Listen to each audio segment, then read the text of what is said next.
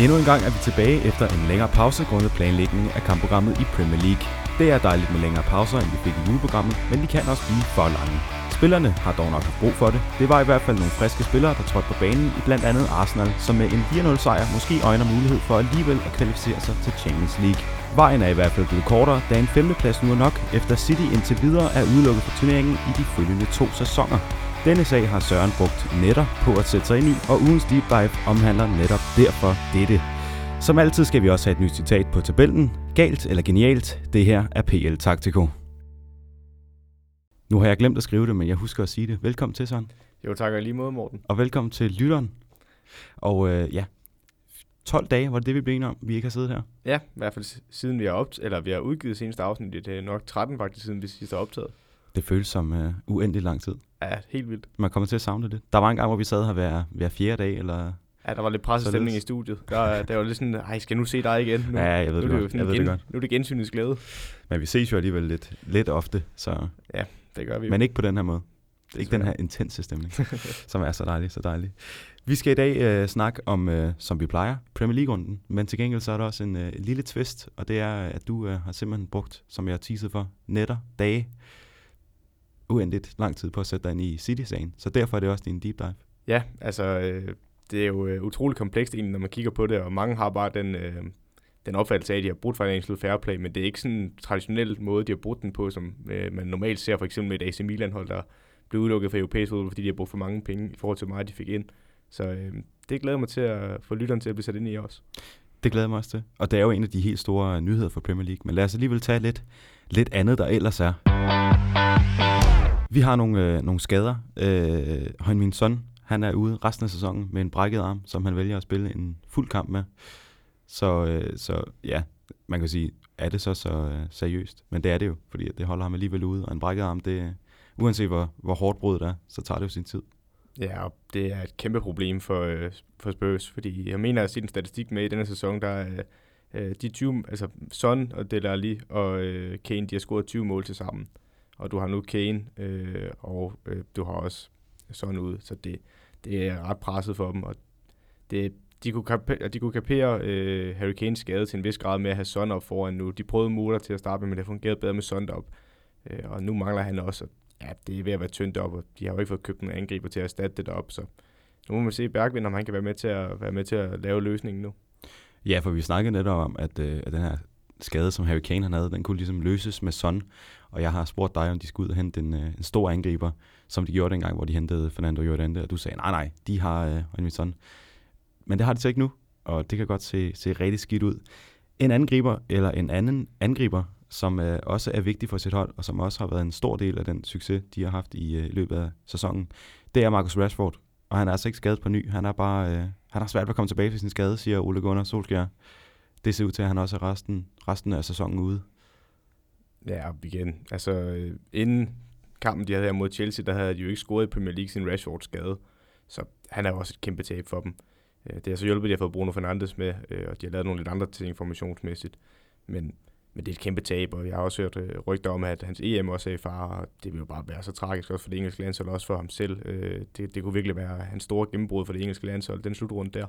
Så det er super synd, men omvendt må vi også Øh, vi har jo været meget efter United med deres lægestab og med Ole Gunnar Solskjaer, at de lod Rashford spille med den her skade. Så hvis de har lært lektien, og så giver ham den ekstra tid til at være sikker på, at øh, det, der, det her det vokser ordentligt sammen, så må vi jo huske at rose det. Og en anderledes positiv nyhed, det er, at øh, der er lidt transfernyt, selvom vinduet er klappet i. Hakim Ziyech, han skifter øh, fra Ajax til Chelsea her til sommer. Og den spiller, han er jo lidt, øh, lidt spændende. Han er sådan en, en type, du ved ikke, øh, i hvert fald hvad jeg sådan har set. Du ved ikke lige, hvad du får. Han kan lave nogle geniale ting, men han kan også øh, forsvinde lidt ud af kampene. Det bliver spændende at se, hvad han kan på et Chelsea-hold i hvert fald, og hvilken plads han skal tage. Vi har jo en Mason Mount nu, som spiller den her offensive midt. Men øh, Ziyech på en kant måske. Jeg synes i hvert fald, det er spændende, det, netop den problematik, du bringer op. Altså, han er en spændende spiller, og han har gjort det rigtig godt i Ajax, øh, specielt det år, hvor de havde øh, kommet i semifinalen i Champions League og var så tæt på at spille sig i finalen. Øh, men han er, han, er en, øh, han er en dygtig spiller, og jamen, hvor passer den på det Chelsea-hold? Det er rigtigt, at han kommer til at kæmpe med, kæmpe med Mount om 10 pladsen. Det kan måske være med til at hindre Mounts udvikling lidt, men omvendt synes jeg også, det er fint med noget konkurrence. Kanterne, jamen det kommer så an på, om de vil forlænge med Willian. Jamen, så vidt jeg ved, har de ikke forlænget med ham endnu. De har også Pedro på kanten, der måske også er ved at være, øh, hans karriere i Chelsea ved at være ved vejs ende. Og så har du Hudson Odoi og Pulisic. Øhm, så hvis man antager, at Pedro måske er væk til sommer, og Willian er væk, jamen, så passer det jo meget godt med, at han kan tage en af kantpladserne. Øhm, så ja, jeg synes egentlig, han passer fint ind i Chelsea, og jeg har herinde fra jo fra Twitter, øhm, øh, der står, at øh, Ziyech han har lavet 421 øh, målscorende chancer i sin tid i øh, Ajax i den hollandske liga, siden han debuterede i 2016. Det er 134 mere end nogen anden spiller i samme periode, så igen, det er den hollandske liga, det er ikke samme niveau som Premier League, men vi har også set spillere som Christian Eriksen til at springe derfra før, så jeg synes, han er en utrolig spændende spiller også, øh, til en færre pris. Det var omkring 30 millioner pund, jeg mener, de betalte for ham, og det er jo, altså i forhold til, hvad vi ellers ser priser på spillere øh, på det niveau, så er det jo meget billigt. Ja, og netop som, øh, som nu ved jeg faktisk ikke lige, hvad det var, jeg ville bringe op. Nej, jeg, jeg håber ikke, det er det mindste allerede begynder at sætte Nej, det kan godt være. Jeg var, jeg var lige klar på at sige et eller andet, men, øh, men så kom jeg til, fordi du nævnte den her pris. Fordi at, øh, som vi snakker om, inden vi gik på her, så skulle vi lige finde ud af, hvad det egentlig var, han havde kostet. Og det, som jeg kan se, det er også de der 40 millioner øh, øh, hvad hedder det, euro. Og det svarer også til de her 30 millioner pund, som ja, du siger. Måske du har nok lige tjekket det. Så. Ej, måske lige lidt over med de 30 millioner pund. Øh, men så er lejdet, der hedder 30-35 millioner pund, er nok en meget færre pris. Og det, som jeg vil sige, er jeg lige kommet på, mens vi har snakket her, det var, at øh, der har været, længe været snak omkring øh, Ziyech, om han ikke skulle til en større klub end Ajax, fordi han har været en del af det her ja, hvad skal man sige, spændende og overraskende hold, som gik i, semifinalen sidste år i Champions League. Og ja, det var vel også det var et spørgsmål om tid, vel, før han skulle, skulle videre og til en større adresse. Og er Chelsea for stor, eller passer det egentlig meget godt? Jeg tror, det passer rigtig godt faktisk. Også det der med, at de netop har andre spillere, så hvis han har en tilvændingsperiode, ligesom man så med Pulisic havde i starten i Chelsea, jamen så, så er det ikke en katastrofe, hvis han ikke slår til med det samme. Så har de stadig en Mount, øh, de har stadigvæk Callum Hudson-Odoi, de har stadigvæk Pulisic. Så jeg tror egentlig, det passer meget godt, og så kan de også øh, være med til at supplere hinanden. Så hvis Mount har en dårlig periode, så kan sige ikke, hvad den, der spiller tieren. Hvis det nu er Pulisic, der har en dårlig periode, så er det sige ikke, der spiller. Så mm, jamen, et øh, rigtig godt køb, synes jeg, for Chelsea. Og det bliver spændende at se, når han kommer til sommer. Så det bliver i næste sæson, at vi skal tage fat i den. Nu skal vi til gengæld tage fat i runden, når vi går rundt om runden. Og vi skal starte i Everton mod Crystal Palace. En 3-1 sejr til, uh, til The Toffees. Og ja, efterhånden har Everton vi lige fået, fået styr på det. De præsterer på det niveau, som deres trup berettiger dem til. Som vi siger gang på gang, så har vi jo været efter dem til at starte med, fordi de havde et øh, på papiret flot hold, men jamen, det kørte jo ikke. Nej, det gjorde det bestemt ikke under Marco Silva. Øhm, og man har, vi har snakket lidt om deres indkøbspolitik og også har været dårlig, men jeg synes alligevel, at nogle af de spillere, de har købt, begynder at vise noget. Øh, en Bernard specielt, som vi også har snakket om tidligere han fungerer rigtig godt som den der venstre kant i deres 4-4-2, der trækker ind som sådan en mellemrumspiller. Ikke øh, altså meget kant egentlig, men mere en mellemrumspiller. Øh, så er der nogle backs, der er gode til at komme med. De har øh, James Coleman og CDB på den ene bak, og så har de øh, Lucas Digne på venstre bak, der også nok er en af de bedste venstre bak i Premier League. Øh, der slår nogle vanvittigt gode indlæg, og igen, øh, så har vi også en Theo Walker, jeg synes, der viser glimt af gode perioder. Det er super ærgerligt, at han blev skadet i den her kamp også. Det er jo lidt det, der har været historien om hans karriere. Mange skader og et uforløst potentiale. Men på 1-0-mål, der er det jo ham, der kommer afsted over i højre siden og lægger et flot indlæg ind. Så kan man så diskutere Crystal Palace, deres øh, højre centerforsvar, James Tompkins og Steve Ward er rigtig dårligt til at kommunikere, fordi Steve Ward er egentlig gået en tand for langt ind og dækker en mand, der er længere inde. Så Bernard kan bare løbe fri ved en bæreste stang og sparke den ind. Øhm, men igen, det begynder at fungere med Everton, og kæmpe ros til Carlo Ancelotti. Han har fået styr på det projekt. Ja, så har de jo Richarlison og Cavaloon, som to dygtige spillere. Den ene måske lidt mere bolddygtig, og den anden måske mere en, øh, en engelsk fighter, som jeg ved, du er glad for. Men uh, Richarlison, han laver også et øh, rigtig pænt mål i den her kamp. Som spiller, uh, hvor langt kan det egentlig kan det nå med ham her?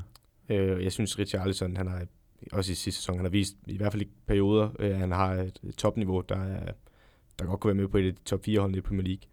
Uh, men, men han har også perioder, han har et temperament, der er der kan være rigtig godt i perioder, fordi øh, han bliver meget smerte i sig, han kæmper for holdet, og øh, han, har et, altså, han har et vindermentalitet. Men omvendt så kan det også nogle gange koge sammen for ham i nogle kampe, hvor hvis det ikke lige går hans vej, så virker han øh, ikke at slå op i banen, men han virker meget frustreret over tingene og øh, mister sådan fokuset på selve spillet. Men jeg synes, øh, jeg, jeg kunne godt se ham i top 4-klub helt sikkert, og igen, det er en meget undervurderet ting ved det her mål faktisk, det er, at det viser, øh, hvordan deres 4-4-2 også fungerer, sådan en rigtig klassisk 4-4-2. Lang bold op mod Calvert-Lewin, der lige snitter den videre, Richarlison kommer afsted, så er der også dårlig forspiller Gary Cahill, han lader øh, Richarlison komme ind på sit højre ben, jeg ved godt, Richarlison er meget hurtig, og Cahill har meget bagrum, han skal dække, men han må ikke invitere ham ind på det højre ben, så må han få ham ud mod venstresiden, og så lade ham afslutte med venstre og prøve at blokere den afslutning. Øh, men at få ham ind centralt i banen og sparke med højre, det, det går bare galt, og det er rigtig godt sparket ind. Men igen, Richarlison, rigtig dygtig spiller, og ja, nu er Everton jo begyndt at vise lidt bedre form, og kan måske, de er nok ikke top 4 hold i år, men sådan som de har haft den form nu, så er det jo de mest formstærke hold i Premier League, siden Ancelotti kom til. Så det, er, det, det er et spændende hold, og de skal gøre alt for at holde fast på ham. Og hvis man kunne høre, at jeg taster lidt på nogle taster over, så er det fordi, jeg lige skulle tjekke, hvor gammel han egentlig er. Han er 22 år gammel. Virker det ikke sådan øh, rimelig vildt? Jeg er 23. Jeg vil sige, at hvis, hvis nu jeg spillede Premier League, så ville jeg da have nogle år endnu til at, at skulle ramme mit topniveau. Han er hurtig, som du siger. Han er driblestærk, har et godt skud.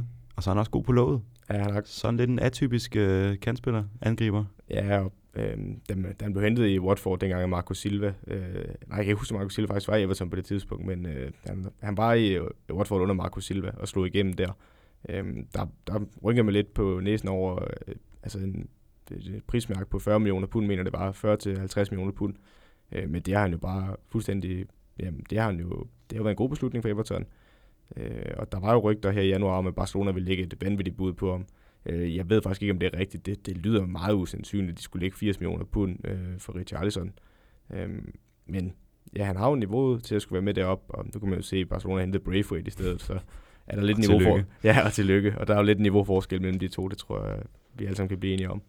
Det, det er jeg ikke helt sikker på, øh, at vi kan blive helt enige om. Jeg synes, at Martin han er en dygtig spiller, og det er fuldt fortjent, at han er i Barcelona nu. Og med de ord, så vil jeg sige, at uh, Everton de i næste kamp skal en tur på Emirates og møde Arsenal, og Crystal Palace de skal hjemme tage imod Newcastle. Hov, for pokker. Undskyld. Jeg bryder lige ind, ja. for der var noget, vi glemte på den her kamp. Ja, og det blev oh, jeg er noget langt den her gang. Ja, jeg, jeg fuldstændig jeg var klar på den næste kamp også, men uh, droppet af Jordan Pickford. Ja. Øh, en flad afslutning for Benteke, der er alt for ja, blød. men du skal huske, at han lytter med. Så, ja, så men Søren, jeg synes ikke, vi skal... Det bliver vi nødt til, fordi der er simpelthen en ting, den mand han bliver nødt til at forstå. Fordi han gik ud i medierne efter kampen og sagde, at der er en mediehets mod ham, og øh, jamen, han har taget den offermentalitet på sig, og det skal han stoppe med. Fordi han er en, om noget en målmand, der snakker meget, og er meget opgivet, og jeg har tidligere snakket om, at man som markspiller gerne vil have en målmand, der han må gerne kommunikere bag det, det er ret vigtigt faktisk. Du skal have en målmand, der kommunikerer, og han må gerne vise noget lederskab, men det skal ikke være hysterisk, fordi så bliver det mere kaos ned i forsvaret, og du ved ikke rigtigt, at man bare kommer flyvende ud lige pludselig. Øh, så jeg synes helt ærligt, Pickford er en dygtig målmand, men han skal begynde bare at tige stille, kommunikere med spillerne, når det er nødvendigt. Det skal han gøre, men lige tone det ned en gang, fordi den der offentlighed, den klæder ham ikke.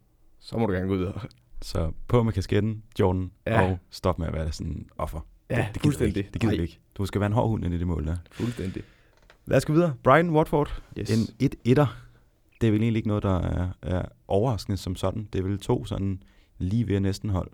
Vi siger hele tiden, at de er på vej væk fra bunden, men så, så bliver de lidt dernede alligevel. Ja, Watford har haft en del kampe, hvor de faktisk har været fint med, hvor de bare smidt altså hvor de ikke har fået det resultat, man egentlig kunne forvente.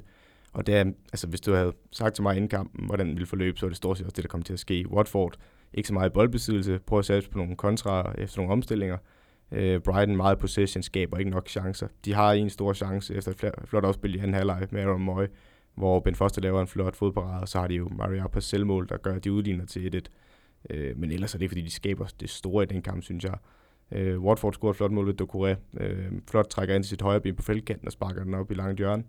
Øhm, og de har et par chancer derefter, men et er vel et færre resultat. Øhm, hvis du kigger på x for kampen, så skulle Brighton nok have vundet den, men det, altså, det er 1,79 til Brighton og 0,79 til Watford.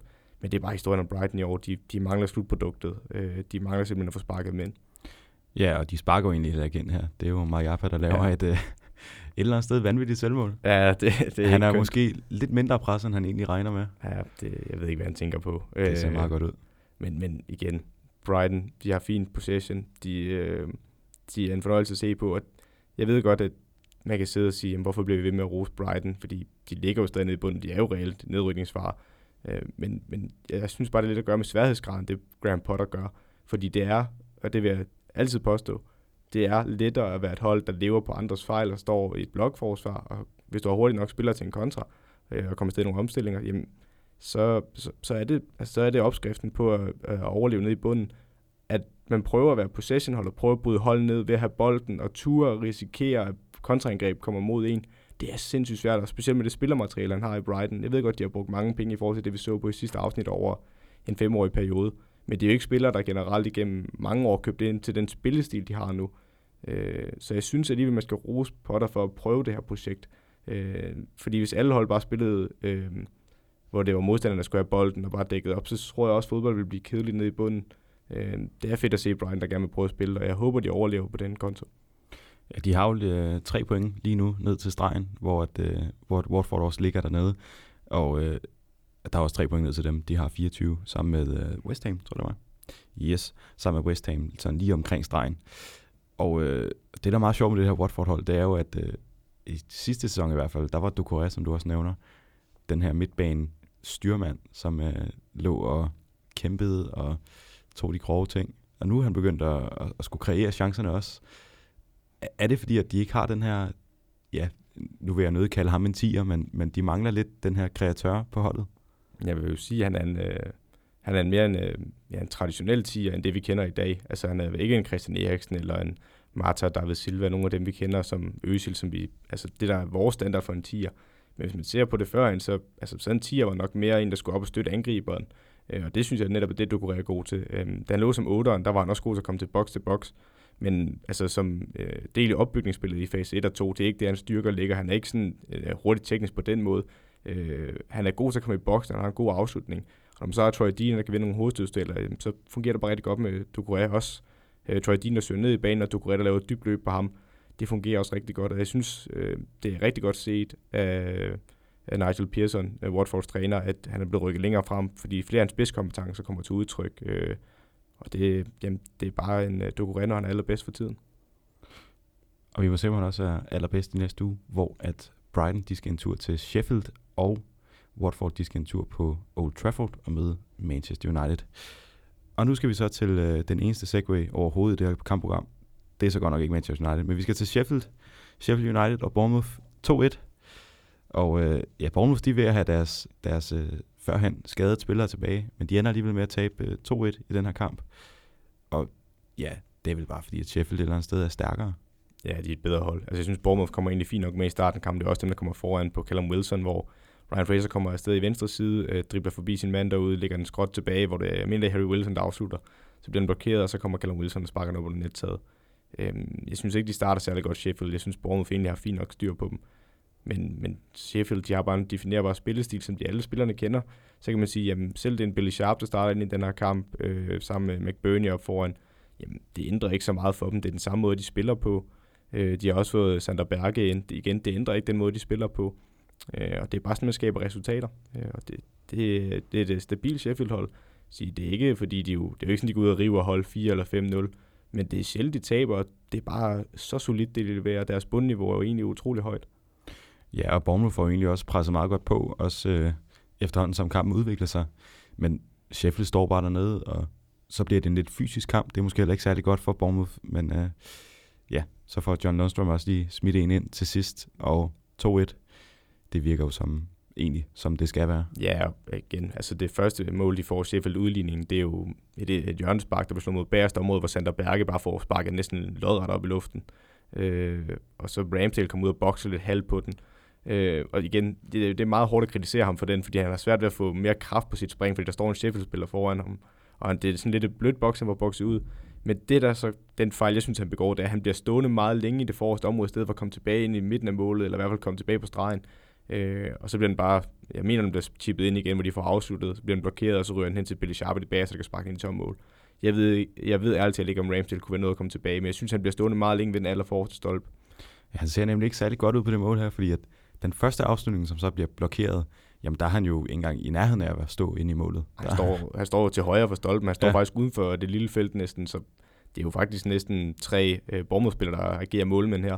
Øh, så meget godt Steve Cook ikke er inde, kan man sige, til at tage med hænder. men, men, øh, ja, men ellers så øh, synes jeg også, det er fedt at se en John Lundstrand, der var bænket i den her kamp, der ellers har været en del af succesen, med, på grund af at Sander Berge er skiftet der til. Så kommer han ind, og de scorer et rigtig flot mål til 2-1, var det ude i venstre side, hvor den blev spillet på indersiden af Bournemouths øh, højre centerforsvar og højre bak, hvor Lis er kommet ind med sin høje fart, øh, og så lægger han ind i feltet til Lundstrand, der hvad med de flotte første hvor han lige tager den over øh, meget på, øh, med et hurtigt touch over til, fra højre ben til venstre, og så sparker han den over i langt hjørne flat med venstre øh, resolut.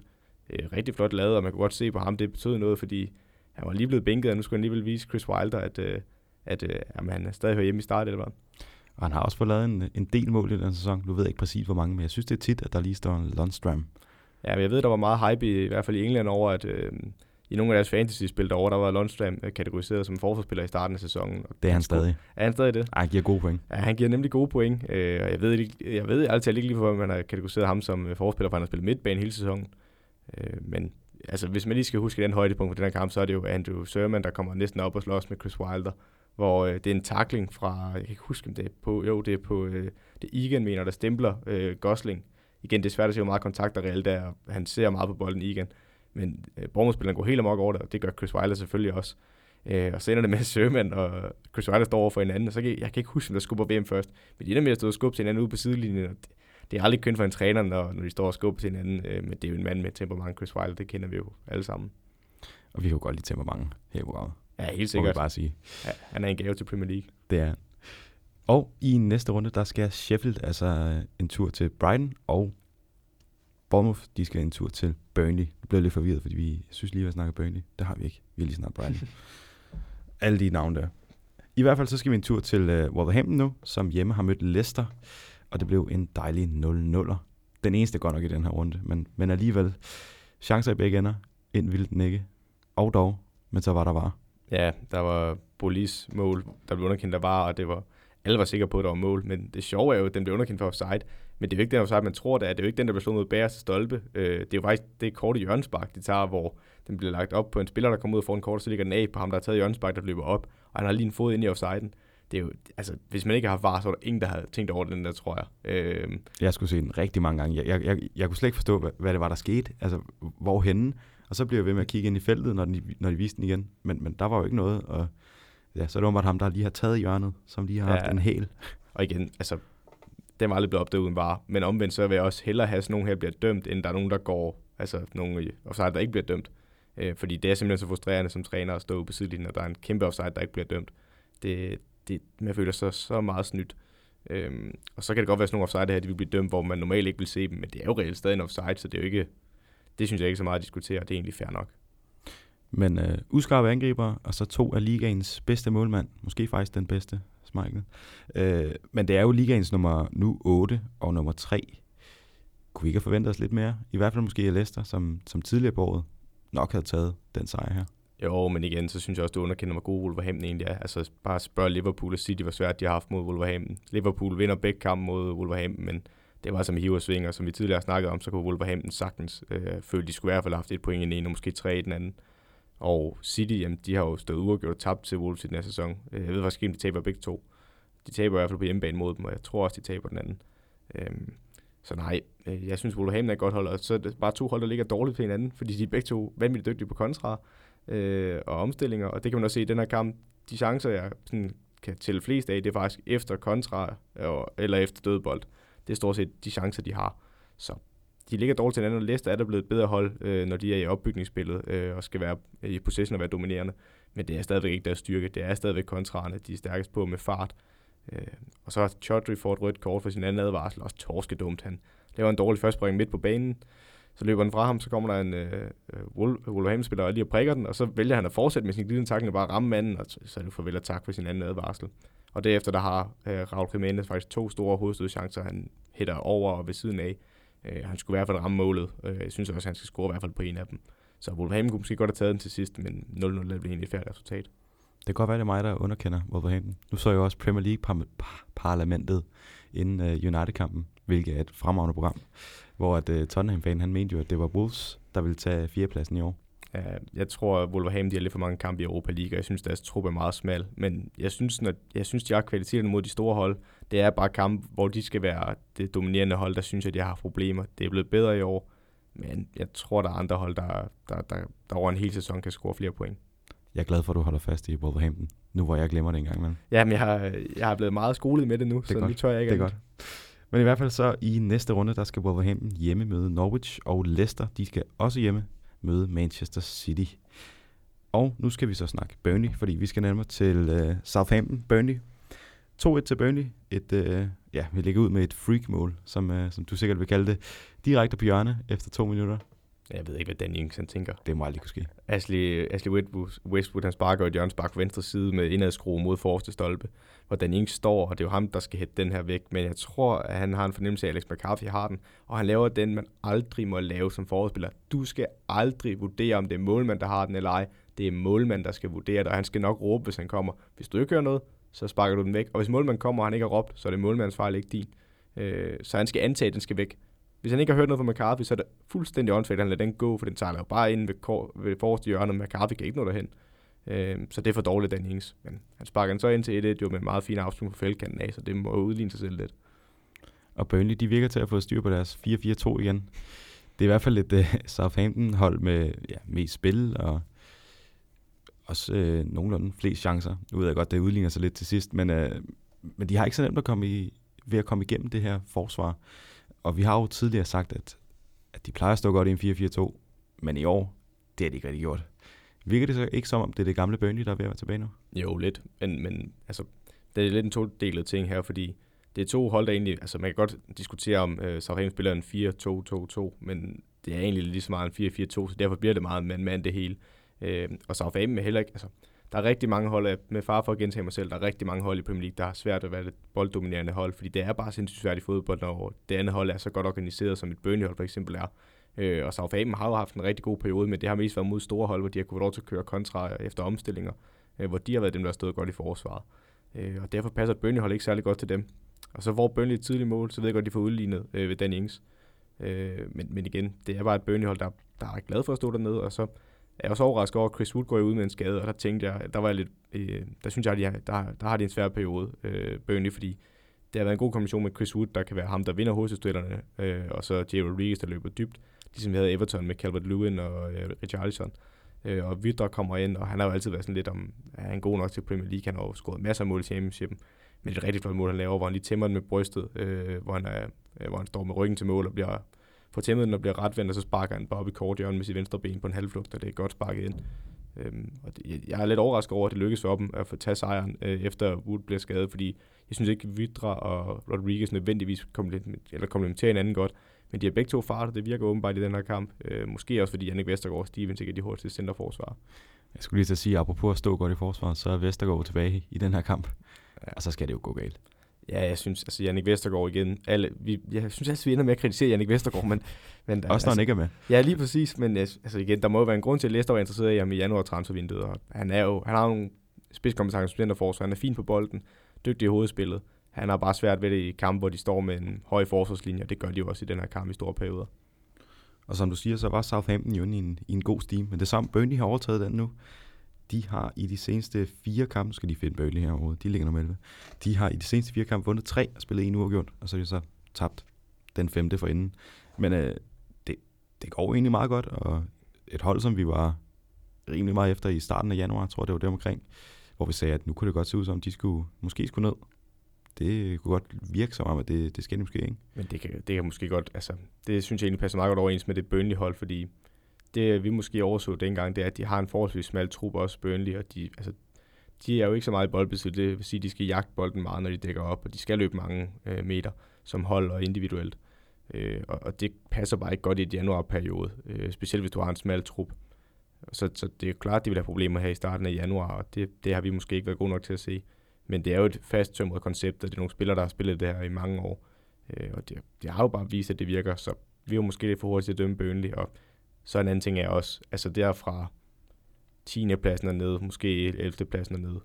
Øh, det er bare ekstremt tæt, og der kan alle slå alle. Øh, og så når der er holdt for eksempel Southampton, der møder et Burnley-hold, og det passer ikke så godt til Southampton, jamen, så kan du bare få et resultat som Burnley. Og så har Burnley en periode nu, hvor de vinder et par kamp.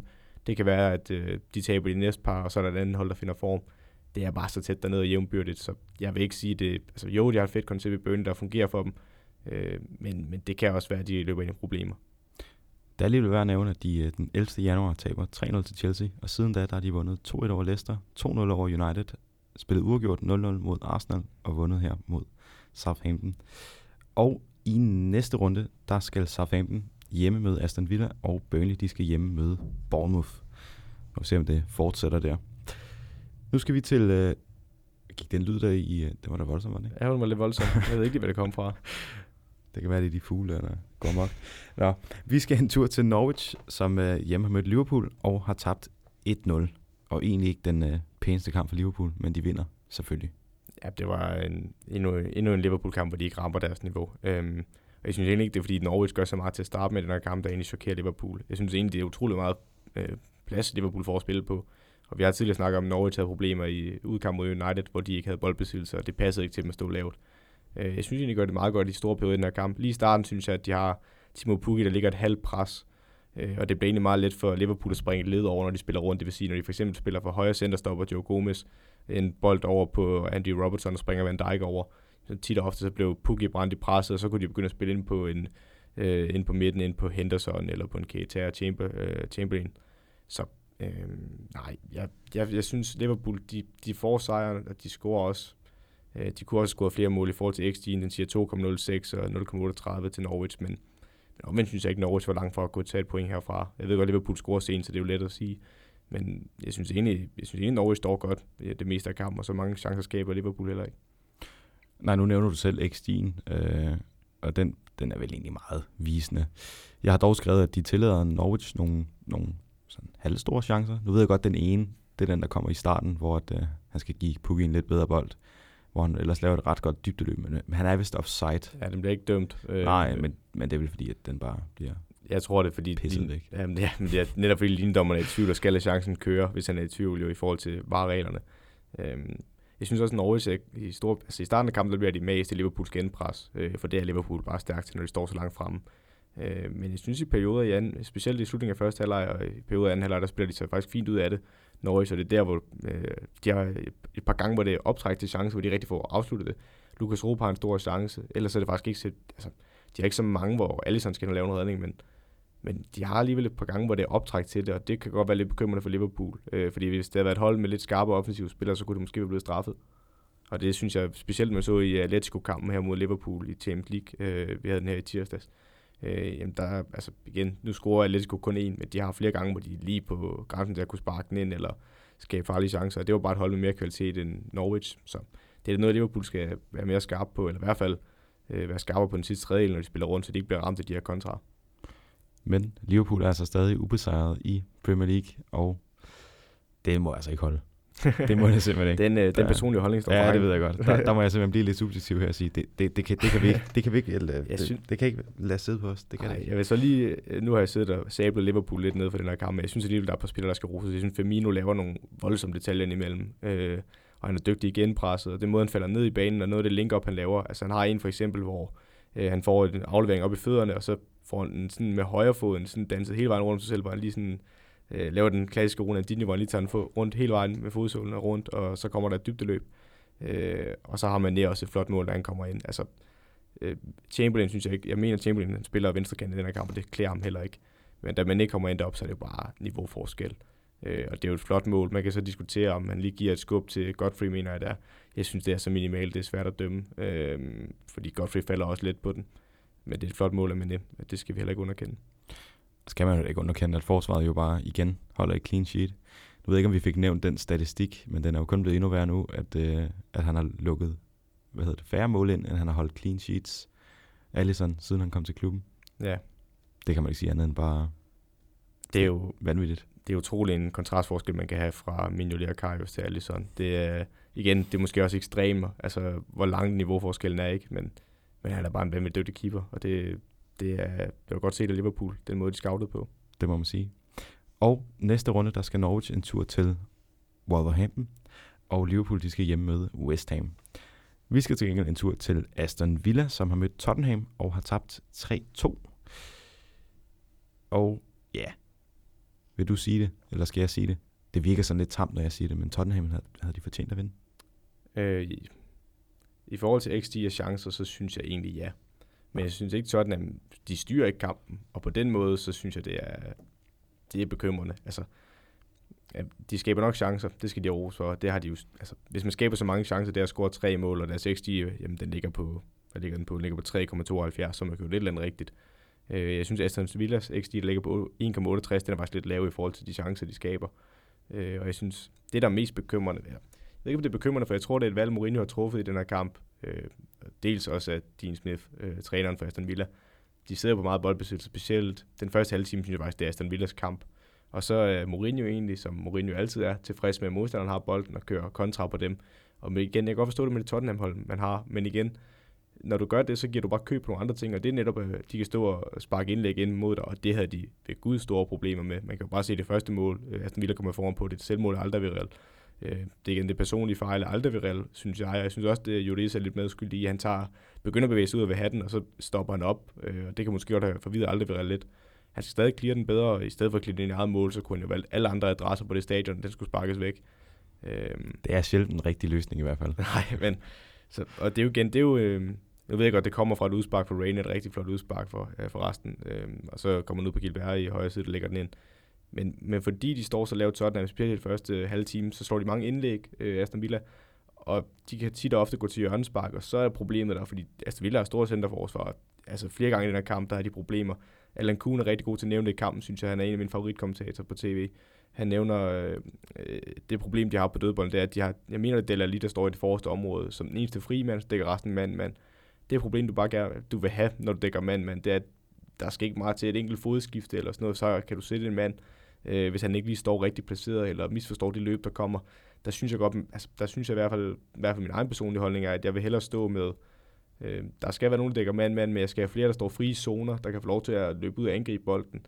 Ikke et rent zoneforsvar, men jeg synes bare, der er nogle, ved at dække mand-mand, så hvis modstanderen ved, at du gør det på forhånd, øh, som Aston Villa garanteret har læst på ved det her Tottenham-hold, så kan man bare udnytte nogle af de ting, og det synes jeg, vi ser specielt på målet til, jeg mener det til 2-2, øh, hvor det er, hvem er det, der kommer op, det er Bjørn Engels, der kommer op øhm, igen. Hvis du dækker mand mand, så er du bare i, i en farzone, og det, det udnytter Villa godt i den her kamp. Ja, og så får Alderweireld jo, ja, han får også udlignet sig selv, kan man sige, ved det her 1-1-mål, som egentlig er meget godt sparket ind, men den ender måske også lidt tilfældigt over. Ja, det er tilfældigt, den ender over ved ham, men han kan vende rundt med ryggen til mål, så, eller vende rundt og blive ret ved og afslutte med så kort aftræk op i korthjørnet, det er også rigtig godt sparket ind. Det, det kunne være, at de skulle sætte ham på top nu, hvor de har alle de skader. Ja, så det er jo i hvert fald netmaskerne for til at blaffe, så skal vi da holde dem op i den ende, hvor det er modstandsmål, der er. Lige præcis. Han laver to. Det kunne ja. være rart, hvis det var i, i samme ende. Men øh, Villaforsvaret, det virker sådan lidt, lidt sløset til sidst. Jeg ved ikke, om de taber noget, noget energi, eller hvad de gør, men det er nok der, hvor at Tottenham de hiver lidt ekstra XG ind. Altså, vi har ikke sagt det her nok egentlig i forhold til den her kamp, men det var jo en fuldstændig tosset kamp, det her. Ja. Den fløj fra den ene ende til den anden, og Tottenham, altså det er utroligt, man kan sidde med XG der 3,72, så jeg synes endda, det er billigt på Tottenham med flere. Aston Villa har også flere. Uh, Tottenham brænder blandt andet straffespark med Son, hvor Reina laver en flot redning, og det er så uheldigt, nu til Son igen. Det er så godt sat ind af i anden omgang. Men Specielt med en bakket arm. Ja, men, men jeg synes bare, det her Aston Villa-hold, de har så mange problemer, og en ting, altså, en ting er, at de gerne vil gå ud og gribe kammer ved offensiv, fordi de ved, at Jack Grealish er vores bedste spiller, vi skal sætte ham i scene. Øh, specielt når vi ikke har Wesley op foran mere, man har en Samata, jeg synes også gør det rigtig godt. Men det udstiller igen, som vi siger med Tottenham, jamen, de er farlige på kontra, okay. Øh, derfor vil de gerne stå lavt, det er også fint, men de er jo presset på alle døde bold, der kommer ind fra Aston Villa. Så det det er den beslutning, man har taget som træner. Aston Villa har taget en beslutning om, at vi vil gerne være i boldbesiddelse for at se Jack Grealish og nogle andre i scenen, men de stod med en så absurd og høj offside-linje. Altså, på den ene mål, der står offside-linjen jo over på Tottenhams banehalvdel, og det er altså svært at blive offside over på sin egen banehalvdel. Så det er jo fuldstændig altså, åndssvagt, og specielt når man ikke har en Tyrone Mings dernede, der har lidt fart. De tre andre dernede, de har slet ikke nok fart til at skulle følge med Son, Lukas Motor, øh, Bergvind i den her kamp. Også ind på, altså hvis vi så går et skridt længere frem i deres forsvar, så Danny Drinkwater inde på midten sammen med øh, Douglas Lewis.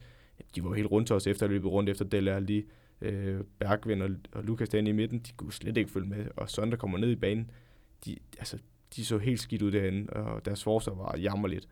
Og alligevel, så står de altså med et 2-2-resultat mod Tottenham til sidst.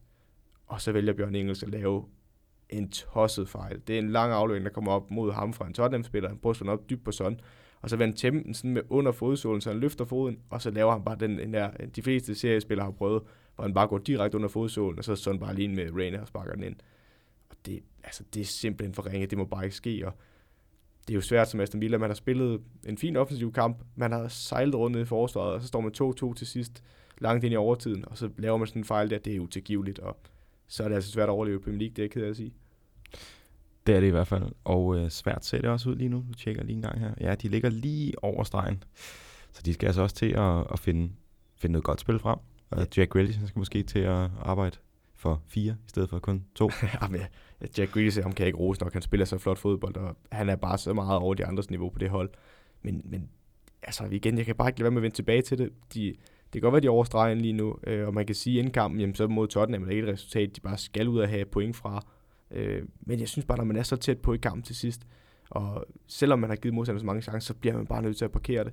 Øh, og så, altså, jeg, jeg, jeg ved godt, det er en personlig fejl til sidst, men Tottenham kunne jo udligne lang tid før. Øh, så det er bare ikke godt nok Aston Villa, specielt når de egentlig kunne have fået noget fra den her kamp. Og vi må se, om de kan gøre det bedre i næste uge, hvor de skal en tur til Southampton, og Tottenham, de skal en tur til Chelsea. Nu skal vi til en kamp, som jeg har glædet mig til, af personlige årsager. og det er selvfølgelig... Vil du sige det? Jamen, det er jo øh, de gode gamle Gunners hold. Det er det i hvert fald. Det er Arsenal Newcastle 4-0. Rigtig, rigtig dejligt. Arsenal, de har jo ofte været øh, gode i første halvleg, og så tabt kadencen i anden halvleg. Men ligesom det var i, øh, i West Ham-kampen tilbage i december, så er det jo anden halvleg her, hvor de simpelthen går amok. Ja, og jeg så første halvleg nemlig, og jeg så faktisk ikke så meget anden halvleg. Det var så rigtig dårlig beslutning, kan man sige, øh, i forhold til mit programlægning. Men øh, første halvleg, jo, Arsenal sidder på det, men det er ikke fordi, de skaber et hav af chancer, og Newcastle står på sin vis fint. Det vi så igen kan snakke om, det er, at som jeg sagde med Norwich mod United, det passer ikke dem at stå dybt i banen. Det er ikke det, deres DNA er, og det er ikke det, de er vant til. Det kunne man se i den kamp. Jeg synes, Newcastle kan man godt se, at de er vant til at stå lavt, men der er det så, hvilken modstand de står for. Jeg, jeg siger ikke, at Newcastle lige pludselig kan gå ud og være et hold, der ligger et højt pres, for det er ikke det, de er til Steve Bruce, og heller ikke førhen med Rafa Benitez. Men i forhold til det hold, de møder, så ville det have passet dem bedre, hvis de var gået højt mod dem, hvis de kunne lykkes med det. Fordi det, vi har snakket om med Arsenal mod Crystal Palace, nogle af de andre kampe, de har haft, det er, at når modstanderen ligger et højt pres, så har specielt centerforsvaret Mustafi og David Luiz haft svært ved at spille den ud, og der bliver lige pludselig for langt op til de tre forreste. Men når Newcastle står så dybt, som de gør i den her kamp, så det, der har været Arsenals akillescene, den kommer overhovedet ikke til udtryk. Øh, og i stedet for kan de få lov til at spille sig helt op på, i hvert fald øh, langt op på Newcastles banehalvdel. Og så har de simpelthen for mange gode offensive spillere til, at de ikke kommer igennem før eller senere. Og de har for mange, altså selv hvis vi nu kigger på Berin og Saka, øh, Bakayo Saka, så, så er det jo ikke Baks, du tænker, nogle af de bedste i Premier League som sådan, men deres offensive kvaliteter er enormt store. Øh, og det kommer bare til udtryk i den her kamp, og det, ja, så spiller Arsenal en rigtig, rigtig flot anden halvleg. Ja, og de får hurtigt øh, to hurtige mål efter hinanden. Lidt ligesom de gjorde mod West Ham faktisk. Der er mange øh, ligheder i den kamp her. Men, øh, men, de to sidste, de kommer jo ret sent i kampen, og en 2-0, nå jo, det har måske ikke lyttet så, så vanvittigt øh, overlegent, selvom 2-0 altid er lidt overlegent.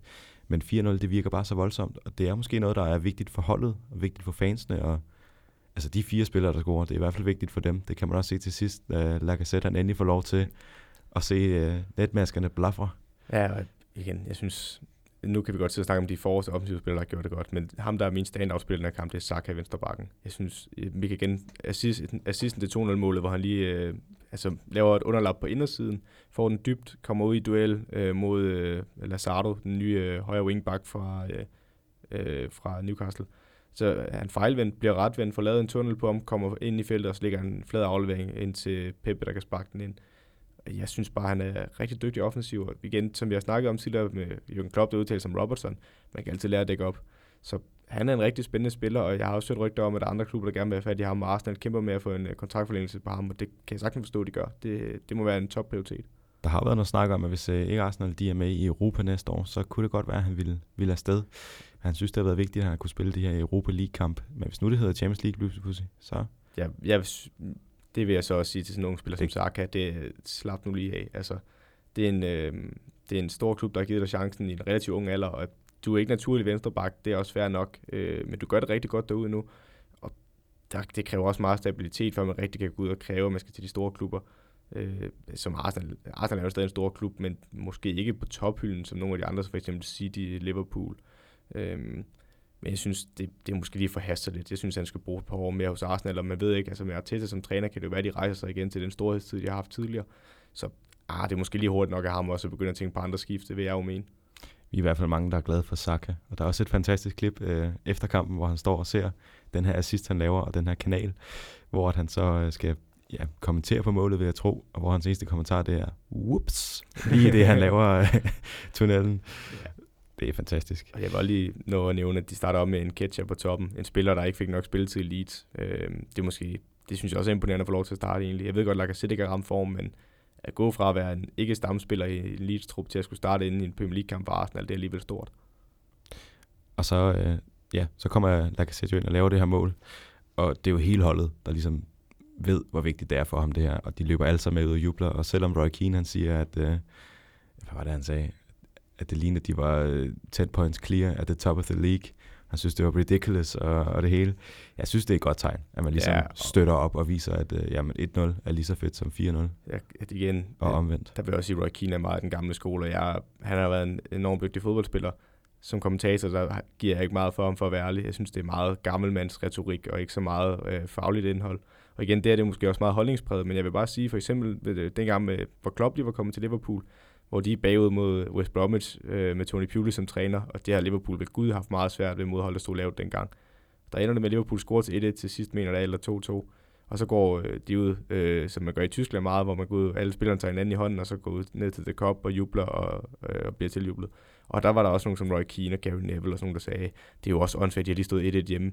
Men det er ikke det, det handler om. Det handler om at skabe en ny vindermentalitet, og det kan godt være, at det ikke var et øh, vindende resultat i den kamp. Det er det så meget her i den her Arsenal-kamp. Øh, men det handler om at skabe en ny stemning på holdet, og en ny gejst i truppen og blandt fansene. Øh, og der er det altså ligegyldigt, om man vinder mesterskab eller ej, fordi hvis du kan få den tro ind i holdet, og den glæde tilbage i spillet, øh, som du netop snakker om med det citat med Sokrates, the fun is back, øh, det er altså ret vigtigt i professionel, eller professionel fodbold også. Ja, og så er det jo også et, et vigtigt mål for fansene, tænker jeg, 4-0. Det var ikke fordi, der var helt fyldt på, på Emirates den aften her. Det kunne være, at der kunne blive det næste uge. Ja, specielt spillet noget offensiv fodbold, og nu, altså igen, øh, nu har jeg taget en for op til Joe for deres Twitter, øh, og der står, han er, der har skrevet øh, 35, og det er 35 aflænger var i opbygningen til Mesut Özil's mål. Øh, det er 10 længere end den øh, længste mål øh, i Premier League den sæson var indtil det her mål. Øh, og alle 11 Arsenal-spillere var involveret i målet mindst én gang.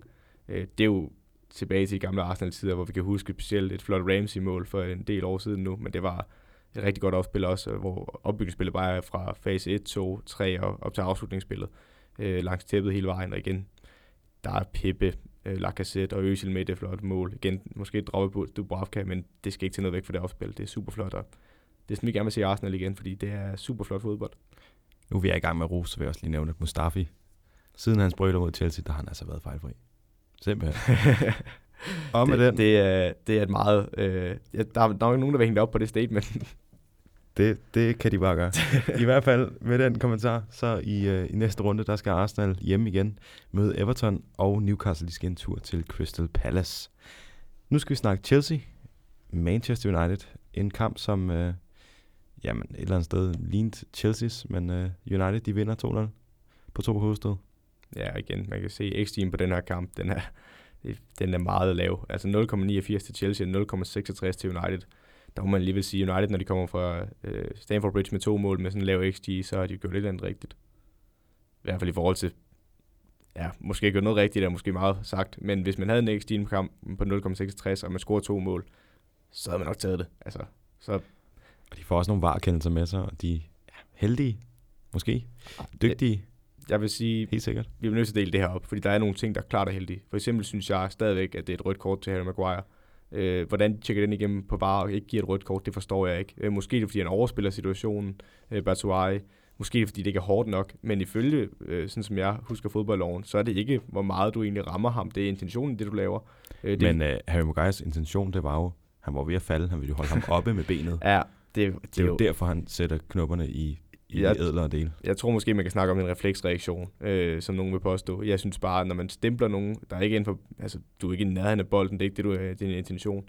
Øh, og tilbage til det, jeg prøver at sige med fodboldloven, jamen, selv hvis du ikke rammer manden, og du sparker ud efter ham, så kan der reelt blive et rødt kort for en intention om bold. Øh, og det her, det synes jeg jo egentlig, det er. Altså, han stempler en mand et ret uheldigt sted. Øh, måske ikke med så stor kraft, men intentionen er der, og det synes jeg er et rødt kort. Helt sikkert, men øh, det blev ikke engang gult. Nej, jeg vil også sige, at de må ikke give gult, når det ikke er blevet gult øh, før varen. Så jeg tror mere, at det er et spørgsmål om, at dommeren synes, det vil ødelægge kampen, hvis der kommer rødt kort her. Men det synes jeg bare er en, det er en forkert tolkning af loven, for det er ikke sådan, det burde være. Altså, jeg kan godt forstå, at det vil super ærgerligt for kampen. Øh, især fordi det er jo ikke noget at gøre med et mål eller noget. Det er jo ikke, fordi det har ændret, altså, det har ikke ændret en spilsituation på den måde. Men igen, loven er loven, og sådan skal det altså være som jeg også tænkte på, øh, da jeg så det her. Kunne det være noget med kampens størrelse? Du er også lidt inde på det her.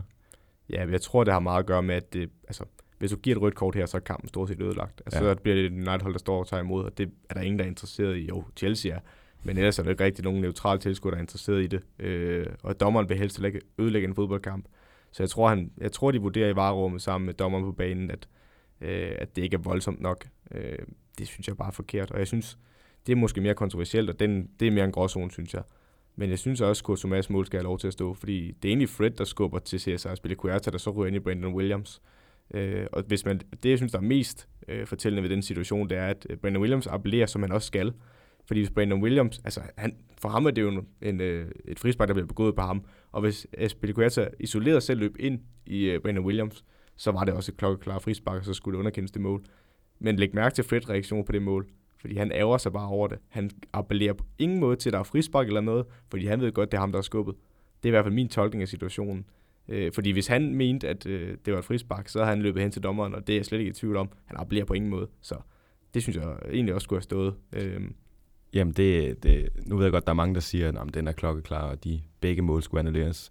Jeg er med på, at Men øh, jeg har det lidt ligesom dig. Han bliver jo skubbet ind i ham, og hvad, det, det er jo meget naturligt, at man så lige tager af. Jamen, hvad skal? Jeg ved ikke, hvad man ellers skal gøre, fordi på samme, altså ikke, næsten på samme måde, det synes jeg, at Brandon Williams kan jo ikke gøre noget, når der er en, der løber ind i ham bagfra. Det kan han jo ikke. Altså, is- som jeg sagde, isoleret selv er det et frispark. Men hvad skal Aspilicueta gøre? Han kan jo ikke stoppe, når han bliver skubbet.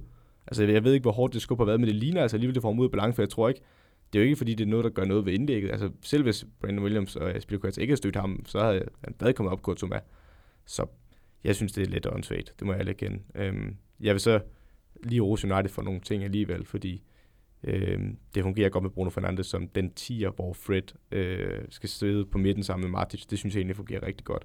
Øh, så kommer op og i støtte til de to forreste. Det er egentlig en fed ting, og jeg synes også, at han, han er jo tæt på at score Bruno Fernandes i den her kamp. Så det, det, det fungerer. Martials hovedstødsmål. Vi har været meget efter Juan Bissaka, men han ikke er dygtig nok offensivt. Det er ikke, han slår, det er knivskarpt, og det er et flot hovedstødsmål af Martial. Der kan man så også sige, jeg kan tydeligt se på Andreas Christensen, han ikke tør, eller hoppe rigtigt op i den hovedstødsduel. Han havde jo også en brækket næse, så det giver jo egentlig meget god mening. Øh, og så Maguires hovedstødsmål er også rigtig flot. Igen et godt hjørnspark for Bruno Fernandes, og han ligner allerede en rigtig spændende spiller. I den grad. Han ligner en, der kan lægge de bolde, som de har, har savnet lidt. Han er i hvert fald noget bedre end både Lindgaard og Pereira, som vi har Ja. været en hel del efter. Ja, og igen, jeg vil sige, vi skal også rose United for at gå ud på en svær udebane og vinde 2-0. Øh, så kan vi godt have nogle tvivl som varekendelse. Det er de bedøvende, glade, eller bedøvende ligeglade med United. Så øh, de begynder jo at kunne lukke den fjerde plads, og nu vil jeg bare lige for at hakke lidt på Chelsea, for det bliver vi simpelthen nødt til. Øh, Bartuai brænder en chance, ja, den, øh, den skulle jeg nok have scoret på. Pedro har også en, hvor øh, Juan Bissaka overparkerer den inde i det lille felt. Kunne de også have scoret på. Øh, igen, at Batshuayi starter frem for Giroud, forstår jeg heller ikke. Øh, så kan det godt være, at man tror, at Batshuayi er en ung spiller til fremtiden, eller unge er han jo ikke, men yngre end Giroud. Øh, men han er bare ikke god nok til Chelsea. Det er så lige ved, nu har jeg siddet igen noget statistik, jeg sidder og venter på, for det synes jeg var ret interessant. Nu er vi jo nået til den 26. spillerunde, øh, og Premier League-tabellen efter, de, efter den 13. spillerunde, det vil sige, nu er det altså halvvejs mellem de to, der havde Liverpool 37 point, Leicester havde 29, City havde 28, Chelsea på fjerdepladsen havde 26 point, Wolverhampton havde 19, Sheffield havde 18, Burnley havde 18, United havde 17, og Spurs havde 17. Det vil sige, at øh, øh United og Spurs havde 9 point op til Chelsea på fjerdepladsen. Bare lige holde fast i det tal. Så det vil sige, at efter 13. spillerunde, der havde Chelsea 8 sejre, 2 uafgjorte og 3 nederlag, og man havde kun tabt til United, City og Liverpool. Det er jo egentlig ret imponerende. Efter øh, spillerunde 26, der har man 41 point. Så det vil sige, der ser tabellen ud, hvis vi lige ignorerer Liverpool, City og Leicester, der er løbet væk frem på det her tidspunkt, eller Leicester er kun 9 point foran. Men nu har de øh, 41 point, Tottenham har 40, Sheffield har 39, United har 38, Wolverhampton har 36, Everton har 36, og Arsenal har 34. Det vil sige, at i de sidste 13 kampe, der har man haft fire sejre, tre uafgjorte og seks nederlag. Og hvis man så kigger på dem, de har tabt til, så har det været nederlag mod United, Newcastle, Southampton, Bournemouth, Everton og West Ham. Det er simpelthen ikke godt nok. Og hvis vi så lige tager det op i helikopterblikket, så vil det sige, at de sidste 13 kampe har fået 15, hvor de i de første 13 fik 26. Det vil sige, at de har haft et pointsnit i de sidste 13 kampe på 1,15 point. Det vil sige, øh, hvis de gjorde det over 38 kampe, så ville de ende med at få 43,84 point over en sæson. Det vil altså være lidt over det, man normalt siger, tommelfingerreglen om, at 40 point er det, der redder ind i Premier League. Det er normalt lidt lavere omkring de 37-38, det er jeg med på. Men ah, det er simpelthen for dårligt til Chelsea. Jeg ved godt, det har noget at gøre med tema, at Abraham er skadet, og Pulisic også er skadet. Øh, og jeg synes bare, det vi snakkede om i januar transfervinduet, om at de måske skulle hente en mere rutineret angriber, hvor jeg solgte en Batuai. Øh, hvis man alligevel ikke vil have Giroud, så skulle de hente en anden angriber, fordi ja, niveauforskellen fra Tim Abraham er ned er for stor mellem ham og Batuai, og typemæssigt, der passer ham og Giroud bare ikke sammen. Det er ikke samme type, som Lampard vil spille med, det er tydeligt. Øhm, så ja, Chelsea, de, øh, den fjerdeplads der, den, den, den, den kommer de til at kæmpe om at holde, og så ved jeg godt, at femtepladsen også kan være nok. Men igen, de er kun et point foran Spurs, to point foran Sheffield, tre point foran United, og kun fem point foran Wolverhampton og Everton. Så ja, den, øh, den er til far i hvert fald. Ja, og nu hvor mesterskabet er afgjort, så er det jo dernede, vi skal, vi skal kigge. Det er jo den, der bliver spændende, når vi nærmer os lidt længere ind i foråret. Men i hvert fald så i næste runde, der får Chelsea en svær kamp. De skal nemlig til... Øh, det kan ikke være rigtigt, der. Har du taget noget forkert ind ja, i det må jeg have. To sek. Jeg tjekker lige en gang. Det er pinligt. Kommende kampe. Ja, Chelsea, nej. Jeg har simpelthen skrevet Arsenal. De skal selvfølgelig møde Tottenham. Ja. Ja. Så er det spændende, om det næste det passer. Om noget overhovedet passer. I hvert fald så skal United, de skal hjemme med Watford. Nu skal vi til den sidste kamp. Jeg kan stadig nå at fuck det helt op. Men det er Manchester City og West Ham, som var i går aftes. Vi optager jo torsdag, så det var onsdag aften. Det kommer nok ud fredag. Så i forgårs mødte City West Ham og vandt 2-0. En kamp, som de har styr på. Burde egentlig vinde større. Typisk City. er du klar på den mest vanvittige XG, du kommer til at høre i denne sæson? Ja. ja. Øhm, Skulle de have scoret 14 mål? Øh, nej, Citys XG er faktisk ikke så... Den er meget i forhold til det resultat i en 2,13. Ah, okay. West Hams 0,09 expected goals. Det vil sige, at de næsten kunne spille herfra til i morgen og stadig ikke score. Altså, det er jo fuldstændig grotesk. Man 0,09, jamen, så har du næsten ikke været i nærheden af modstanders mål jo. De har 0 skud på mål også. Altså, og det, der er sådan bare et billede, hvor man bare ser Michael Antonio, som er forreste mand for West Ham, han er i boldbesiddelse. Og det er lige inden øh, midtercirklen på Citys banehalvdel. Og han prøver bare at drible rundt, og der står bare seks City-spillere om ham. Så hvis han lige kommer forbi den ene, jamen, altså det er helt galt. Og de er jo ikke i nærheden af det. Jeg ved godt, det er ikke en kamp, West Ham skal forvente noget fra. Øh, og City under alle omstændigheder nok vinder den her, men jeg ved også, altså når man ser ud på bænken, så har de en Philip Andersson. Øh, jeg ved ikke, hvor klar han er, men han kommer ikke engang ind i kampen. Det ved jeg ikke, om man bare har givet op og ikke skifter ham ind, men han er jo suverænt deres bedste spiller. Øh, og ham og Michael Antonio op foran, de kunne altså godt skabe problemer, hvis de får lov til at, øh, at komme på i boldbesiddelse, eller komme afsted i nogle kontra. Øh, men City er bare langt over dem, og de burde have skåret flere mål i den her kamp. Helt klart, helt klart. Og de har jo også allerede fra start af en, øh, en stor chance til Gabriel Jesus, som han...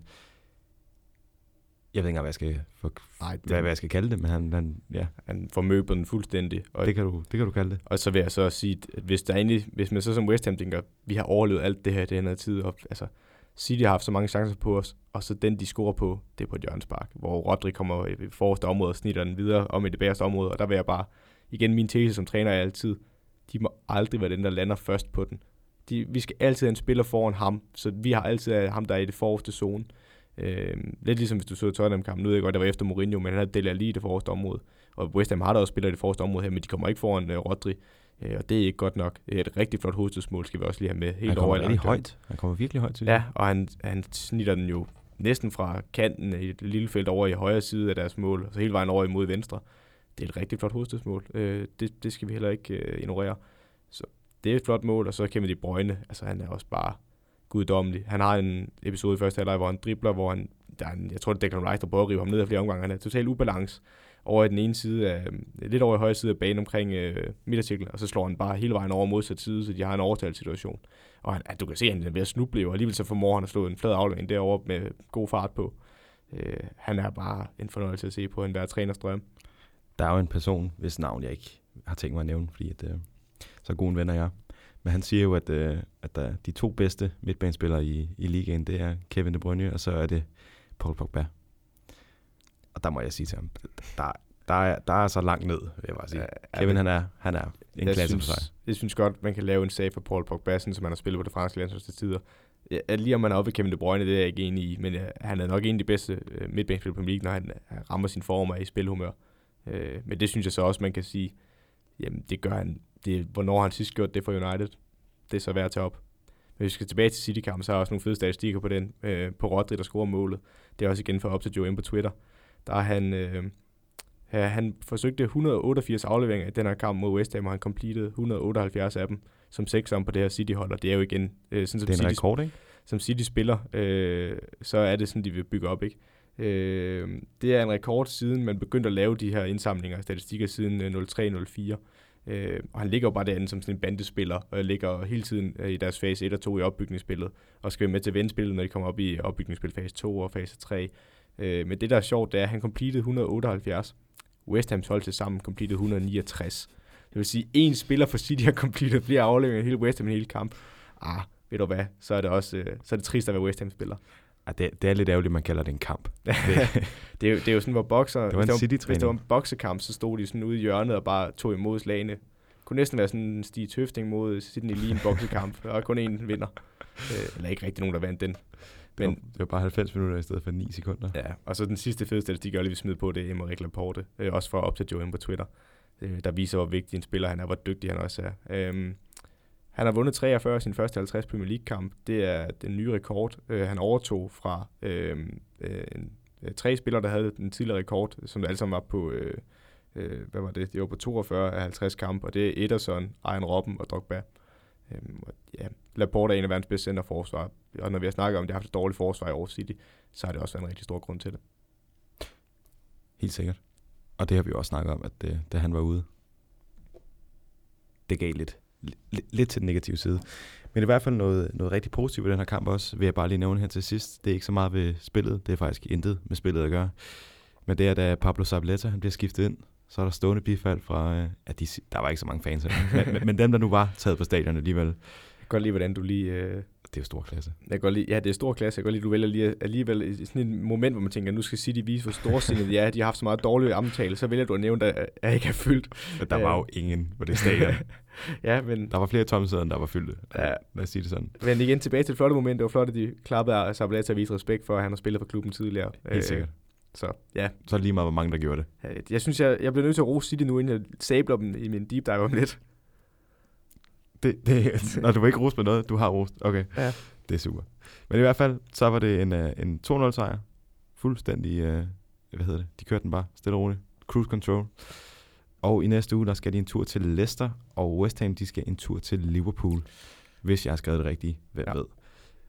Men i hvert fald, det var... Er der noget? Nej, nej, der er ikke Nå, noget. det var bare... Du, du ja, trækker mig nej, altså det var bare, jeg tænkte, ja, ja, jeg tænkte bare mere på West Ham. De har sådan en hårdt kampprogram jo. Ja, Altså, det nu bliver, de, det bliver grimt. de har lige haft Liverpool her, øh, ikke for så længe siden. Så havde de City nu ude, nu, eller nej, City hjemme. Nej, det var City ude, var ikke? Jo, Jo, det var, ude. vi snakkede om deres stadion jo. Ja. Øh, og så har de Liverpool øh, også ude nu, og det, ja, de har stadigvæk Chelsea og så en masse andre de der, så ej, det, det er bare meget op bakke for dem. Det er mere derfor, jeg sad og det, det bliver hårdt for David Moyes, fordi han har jo sagt, da han kom ind, han er en mand, der bare skaber resultater, og lige nu, ja, han skaber resultater, det er bare primært nederlag. Ja. Og, og med den, så, øh, så, så er det din tur i deep diven. Ja. Og værsgo. Ja, hvis jeg troede, det var surt opdød, så skal I bare vente til mit deep dive nu. Øh, ja, men øh, og i den her deep dive, der igen, du hopper bare ind, hvis det er noget, du... Fordi jeg tænker også, noget af det er meget kompliceret, som du selv har sagt. Det er, jeg har brugt en del tid på at sætte mig ind i det her. Øh, og vi har en... Vi regner med snart at få en gæst ind også, hvor vi skal snakke om det her, men nu vil jeg lige tage forskud på det, fordi jeg synes ikke, der skulle gå så lang tid, før vi kommenterede på det. Øhm, så dit ansvar, Morten, det bliver simpelthen bare at holde mig i ørerne, hvis der er et eller andet, der sådan lyder meget kompliceret, som der lige skal bruge en forklaring på, fordi øh, det er ikke lige alle, der har brugt flere timer på at sætte sig ind i det her. Jeg kører et uh, kritisk interview på dig. Perfekt. Jamen, øhm, jamen, det kom jo frem i løbet af den her, eller det kan faktisk ikke, inden for den se- seneste uges tid, mener jeg, det var, at øh, UEFA de har lavet en straf over Manchester City. City de bliver udelukket fra alle europæiske turneringer i de næste to sæsoner. Øh, de har derudover fået en bøde på 30 millioner euro, øh, og dommen kan ankes til The Court of Arbitration of Sports, mener jeg der. Godt. Først og fremmest skal vi lige have på plads, hvad er Financial Fair Play? Det bliver forkortet til FFP, øh, og det er, hvor mange penge en klub må bruge over en periode på tre år i forhold til det underskud, de har. Så det vil sige, øh, underskud må ikke overstige en bestemt øh, grænse i den her periode, øh, ellers så bryder man financial fair play. Det er i hvert fald sådan det oprindeligt, eller det er sådan det primære, når man snakker om financial fair play. For eksempel Galatasaray og AC Milan. Det er fordi, de har brugt for mange penge i forhold til, hvor mange indtægter de har. Og i forhold til financial fair play øh, og generelt indtægter i en fodboldklub, så det man som regel kigger på, det er i form af sponsorindtægter, det er tv-penge, og det er billetindtægter og præmiepenge. Det er sådan nogenlunde det, man vurderer dem på. Øh, det, det er det, man primært vurderer dem på i forhold til financial fair play. Så hvis de har brugt for mange penge på transfer i forhold til de her ting, og de skaber et underskud, jamen så bliver man straffet og kan blive udelukket af turneringen. Øhm, og jeg vil lige tage fat i David Conn fra øh, The Guardian. Han har været rigtig god til at rapportere det her, øh, og har været meget kritisk omkring det her City igennem en længere periode. Øh, og det han fortæller om det her, øh, så er det en misforståelse, at man bare mener, at det er et brud på financial fair play, altså de har brugt for mange penge, ligesom Milan, Galatasaray gjorde. Det, det har faktisk ikke på den måde. Det er, fordi, det er ikke fordi, de har haft et for stort underskud, men det er fordi, de har fået en straf for at være deceitful, det vil sige oversat til dansk bedrageriske eller falske over for UEFA i forhold til deres finanser. Øh, de har vist, de har haft et sponsorat for Etihad Airlines, det vil sige det der er på deres stadion. Øh, og det er jo ejet af et, øh, Abu Dhabi-staten. Øh, og de har haft et sponsorship på 67,5 millioner pund per år på deres stadion og på deres akademi som navnesponsor. Øh, det som City de er blevet dømt for, det er, at øh, ejeren, Sheikh Mansour, øh, som er en del af den regerende kongefamilie i Abu Dhabi, han har betalt 57 millioner pund af, de her, af det her øh, sponsorat på de 67,5 millioner pund. Det er det, de blev fundet skyldige i. Så, de, så det vil sige, at i virkeligheden så det her, øh, ja, har, de har kun smidt omkring 10 millioner pund ind i det her sponsorship, og resten er egentlig Citys ejer. Og grunden til, at man gør det her, det er, øhm, i Financial Fair Play, der kan man jo, for eksempel City, når de skulle prøve, øh, når det blev slået, eller det kom ind, det her financial fair play, så for at sige at de kan få lov til at bruge så mange penge på spillere, så kan ejeren i sig selv ikke få lov til at skyde penge direkte ind. Det er igennem de her indtægter, som vi snakkede om med sponsorindtægter, tv-penge, billetindtægter. Så det man gør, det er, at man kunstigt oppuster nogle af de her sponsorater, for at man har flere penge til at bruge på transfer for at undgå et under, eller, et underskud, så man så kan blive dømt for financial fair play. Det er det, de har prøvet her. Øhm, så de bliver straffet af UEFA, ikke så meget fordi de har et underskud, men fordi de har løjet over for UEFA, øh, og det handler ikke bare udelukkende om financial fair play. Hvis vi lige går og kigger tilbage på det her historisk, fordi så er det en historisk sag øh, over en længere periode. Øhm, tilbage i 2014, der indgik City og UEFA et forlig, efter UEFA havde tildelt øh, City øh, en bøde efter brud på financial fair play. Øh, og det var et forlig, man indgik, øh, hvor øh, de fik en bøde på 49 millioner pund. Det er så blevet øh, deeskaleret siden, det er mindre end de 49 millioner pund, de egentlig har betalt. Og samtidig der blev Citys Champions League-trup blev begrænset. Øh, hele den her sag, der var tilbage i 2014, øh, den blev faktisk lækket i 2018, nogle af de her øh, meget, meget følsomme ting, øh, og der kom faktisk nye informationer frem fra den tyske avis øh, The Spiegel, der ligger nogle e-mails og øh, memos fra Manchester City, og her lå der materiale om, hvordan øh, City øh, øh, aktivt prøvede at undgå financial fair play. Øh, og der er The Guardian, de skrev, øh, According to a leaked memo from the club CEO, Ferran Soriano, the club decided that they needed to fight financial fair play, but to do it in a way that is not visible, or, uh, or we will be pointed out as a global enemies of football. Så det vil sige, at det er en memo, der ikke burde være kommet ud af det her, men det var City på de interne linjer bevidst snakker om, hvordan kommer vi forbi financial fair play, og det er det, de blev dømt for det bedrageriske del. Øh, men yderligere de e-mails, så stod der øh, øh, om den måde, City havde brugt financial fair play, og det var på to forskellige måder, i, dengang The Spiegel rapporterede det. Den første måde, de havde prøvet at bryde det på, det var igennem øh, en strategi øh, for at forbipassere øh, FFP-reglerne. Det var et projekt, de kaldte Project Longbow. Øh, og hvorfor hedder den så Project Longbow, kan man spørge. Jo, det er det Spiegel, de, claim, eller de øh, påstod dengang øh, følgende. Øh, The Spiegel claims one of City solutions to circumvent the rules was to launch Project Longbow. In explaining the name, club chief's legal advisor Simon Cliff allegedly noted in an internal email that the longbow was the weapon the English used to beat the French at Crécy and Agincourt, the implication being that Platini, a Frenchman, and his brainchild were the enemy. Så det vil sige, at man havde, igen, det er jo ikke en mail, der skulle være sluppet ud jo, men det var lidt, man tog Platini, der var øh, UEFA's præsident dengang, havde jo lavet Financial Fair Play, og så var det lidt, at man, så nu skulle man jo banke franskmændene igen, bare over den finansielle del. Øhm, så det var derfor, man kaldte den det. Men Project Longbow var en strategi, hvor man benyttede sig af et skuffeselskab. Øhm, skuffeselskabet, det hed Fordham Sports Management, og skulle efter sine have betalt City spillere for deres image rights. Det er normalt noget, øh, klubberne selv gør, hvor de så betaler direkte for ja, for eksempel branding og sådan nogle ting. Øhm, men i stedet for var det skuffeselskabet, der gjorde det. Det var der Fordham Sports. Derfor betalte Citys ejer Sheikh Mansour 11 millioner pund årligt til Fordham Sports Management, der så sendte pengene videre til spillerne, på den måde sparede City 26,1 millioner pund i marketingindkom ved at forbipassere UEFA's FFP-regler. Øh, så det var en måde, man for eksempel dækkede over, at man skulle betale de her ting, fordi det var igennem en anden ting, så det skulle ikke være med i FFP, det var ikke en udgift for klubben City. Øh, det var den ene ting, og så var der den anden ting, det var netop med naming rights med Etihad dengang, øh, hvor de havde lavet et øh, ja, infleret, øh, den sponsoraftale, de fik fra Etihad, den var alt for stor i forhold til konkurrence, konkurren- eller konkurrencen på markedet for andre sponsorer. Øhm, så det er det, de dømmer for nu, City. De kan så appellere den, som sagt. Men hvad er konsekvenserne så af den her sag, udover at City bliver udelukket? Jamen, City de bliver udelukket. Hvad nu Guardiola?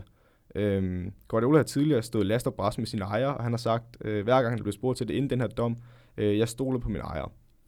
Det er for mig, der giver det to muligheder af det, der skal ske nu. Enten så har han stolet på ejerne, men de har løjet over for ham. Eller så har han vidst det her og accepteret det. Hvis han ikke har været oplyst om det her, og ejerne har alt stået og løjet ham op i hovedet, så forstår jeg videre ikke, hvorfor Guardiola han står last og bræst med dem stadig. Det, det er simpelthen det er ulovligt, det de har lavet jo. Altså, og det betyder, at de ikke kan spille Champions League de næste par år. Det forstår jeg bare ikke, hvorfor Guardiola ikke har et problem med. Øhm, og den sidste, jamen, har vist det og accepteret det. Igen, det er jo en anklage, jeg kan komme med. Det er der jo reelt ikke noget bevis for.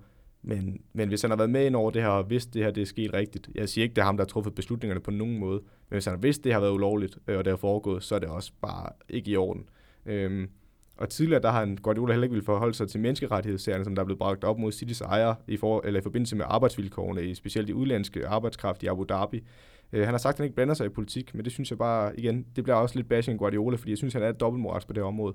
Øh, men når det kommer til, eller til andre politiske områder, for eksempel selvstændigheden i Katalonien, jamen så blander han sig med glæde i den debat. Jo, han har jo til en kamp blandt andet haft et gul armbånd på for at støtte to øh, politikere i Katalonien, der var blevet arresteret af det spanske politi for at opfordre til en, øh, en løsrivelse fra Spanien af Katalonien.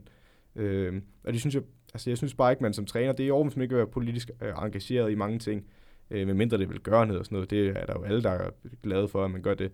Men politiske sager hører bare ikke hjemme i fodbold, og specielt ikke, hvis du kun vil være for nogle af tingene, og når det så handler om menneskerettigheder med City, øh, så synes jeg ikke, det er i orden, at man, man bare lader være med at kommentere på det.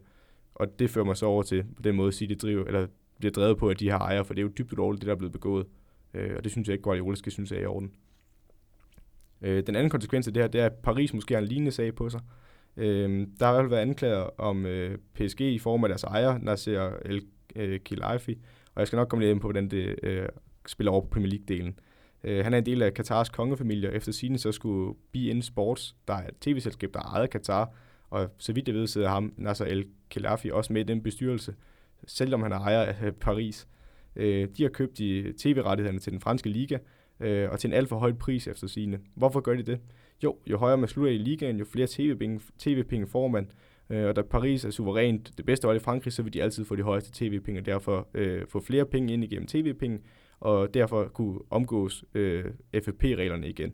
Øh, så vidt jeg ved, så er det aldrig blevet bevist eller dømt øh, i en sag, så det skal man lige huske. Det jeg så synes var interessant, at jeg netop søgt på det her i dag, det er, at uh, The Associated Press de har lige skrevet i dag, at øh, svejsiske anklager har rejst tiltale mod Nasser El-Khalafi øh, i en sag om bestikkelse i forbindelse med tv-rettigheden til VM. Øh, og der kan jeg lige læse bare lidt op. Uh, the Office of Switzerland Attorney General filed an indictment at charging El-Khalafi with inciting former FIFA Secretary General Jerome Wackel to commit aggravated criminal mismanagement. Uh, og det er igen noget med tv-rettigheder. Så jeg synes bare, det er en sag, man skal holde øje med, fordi hvis det kan ende med en dom til ham, så kan det få større konsekvenser. Og den konsekvens, det er, kan man City finde på, eller Manchester City finde på at bryde med UEFA efter det her? Kan de finde på at sige, jamen Champions League, det gider vi ikke mere. Man har jo også et Paris, der er begyndt at være presset, øh, eller i flere omgange været presset af Financial Fair Play og været rasende på UEFA.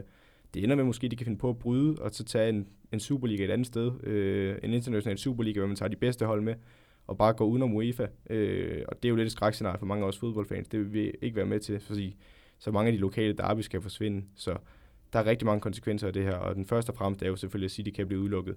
Igen, de anker med garanti den her dom. Øhm, men det er noget, vi skal holde øje med, for det kan altså få store konsekvenser for verdensfodbolden, og specielt også for Premier League. Nu har jeg siddet og søgt lidt her, fordi at, øh, jeg synes, jeg har hørt noget omkring, at de også kunne blive nedrykket. Og eventuelt, hvis de appellerede, så kunne de ende med også at blive rykket ned til League 2.